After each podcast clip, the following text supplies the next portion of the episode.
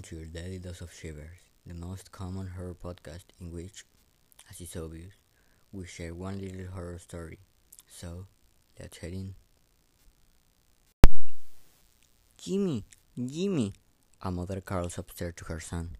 She hurries around the kitchen gathering supplies. Jimmy, come and help me make dinner. She sets down pots, pans, and jars filled with seasoning. Some of the jars are small, filled with bright yellow or red powders. Others are sealed tightly, a thick jar-like pass inside. She gets her tools ready, a large and a large spoon. But something's missing. Bah! Where did I put that knife? And where's that boy? Jimmy!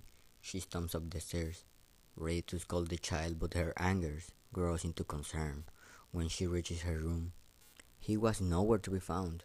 The mother runs out to the house and shouts toward the forest. Jimmy! She presses thumb and forefinger to her lips and whistles loudly. She grows cold, for the only response is the rustling of the leaves. She whistles again, harder, sharper, and stronger than before. And this time, she hears a soft, faraway whistle in return. She finally lets herself breathe, knowing her boy was safe. She wanted to hug him and yell at the same at the same time. It was a few moments before she saw Jimmy coming up to the forest path. He was still a ways back walking slowly, but he was within shouting distance. Jimmy, what did I tell you about wandering off like that? You could have gotten hurt just where you the boy interrupted a moment and then shouts back. By the river. Well, didn't I see you, brother? Send him for water ages ago. No, ma'am.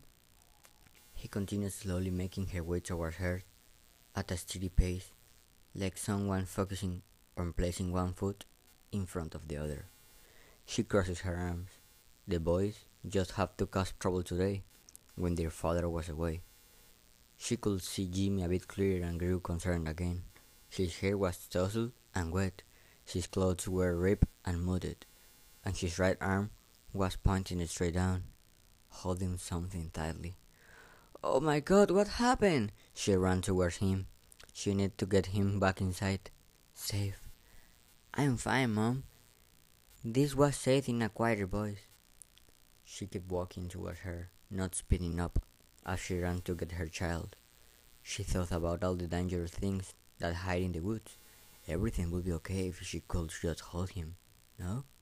She wanted her husband home.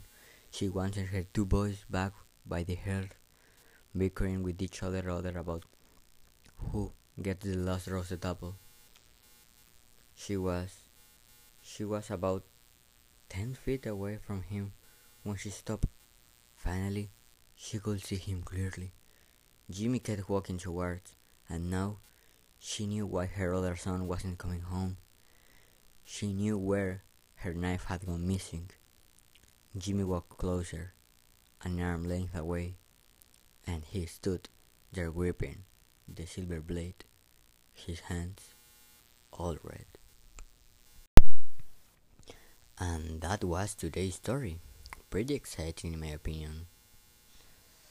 That kind of little clues that the story gave you at the start, like, whoa, I didn't thought that the knife would be in her kid's hand, unless I, oh, I, to kill her brother. I mean, wow, that was a great story.